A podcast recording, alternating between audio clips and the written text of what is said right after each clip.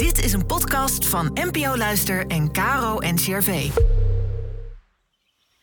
Welkom bij de Kloostercast, de podcast met antwoorden op alledaagse levensvragen vanuit de kloostertraditie. Inspiratie voor je dag.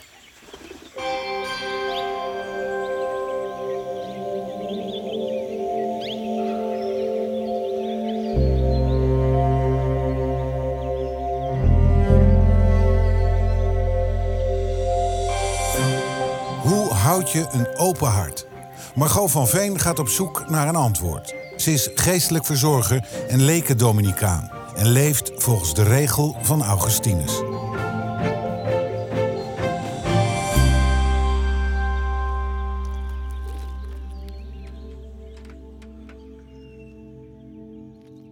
Ik zie het niet vaak, maar als ik het zie, dan ontroert het me. Dat eerste beginnende daglicht. Het aanbreken van een nieuwe dag. Vroeg in de morgen. En het donker van de nacht maakt plaats voor de schemering. Het licht komt door.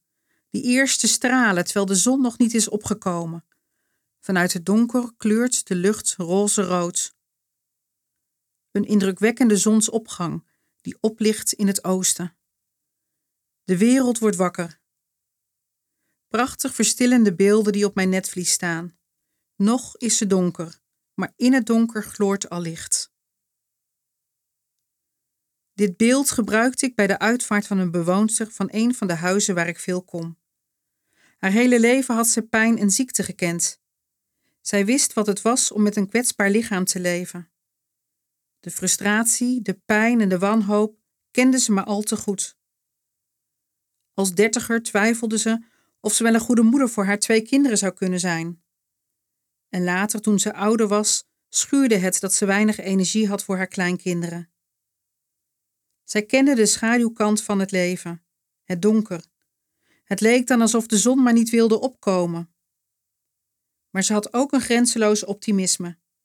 Morgen zal het vast beter gaan, morgen is er weer licht.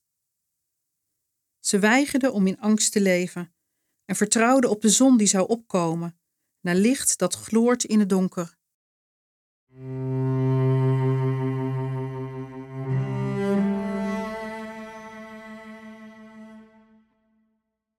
Ieder mens lijdt verlies. Lijden is er, daar valt niet aan te ontsnappen door niemand. We hebben daarin onze weg te gaan, maar hoe dan? Angst maakt dat je je afsluit en je hart niet meer open kan. Bij angst komt niets meer binnen en ga je als het ware op slot. Hoor ik Dominicanes Holkje van de Veer zeggen. Pinksteren 2022 overleed zij. Ook zij kende het leven met een broos lichaam. Het is verlangen dat ons gaande houdt, schreef ze. Juist in deze laatste dagen van het jaar, als de dagen korter worden en het donker de overhand lijkt te hebben, wordt het verlangen naar licht en het uitkijken naar de geboorte van het licht steeds groter. Niet voor niets kijken we uit naar het kwetsbare, het kleine, en verwachten we de komst van een kind, naar licht in de wereld. Onze wereld met zoveel brandhaarden en verlies. Wat betekent het dat we juist in deze wereld vieren dat een kind geboren gaat worden? En blijven we zingen over het visioen van vrede en licht?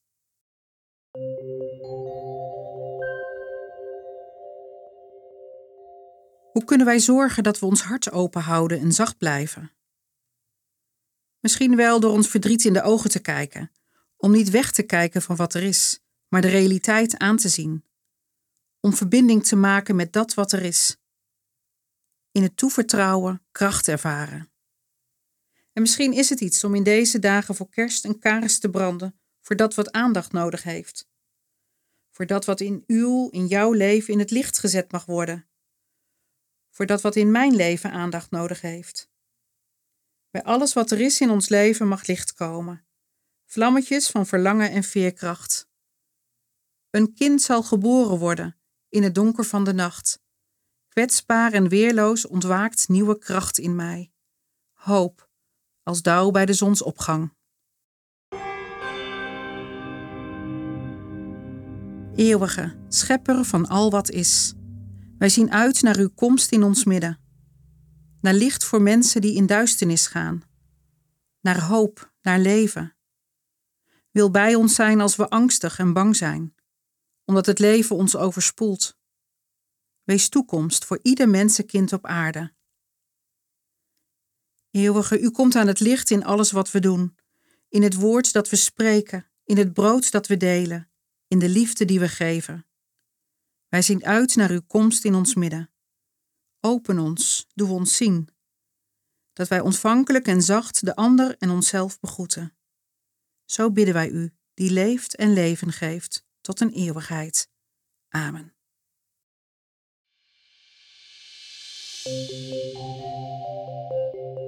Morgen in een nieuwe aflevering vertelt Carmelites Hetty Berflo over de waarde van het wachten.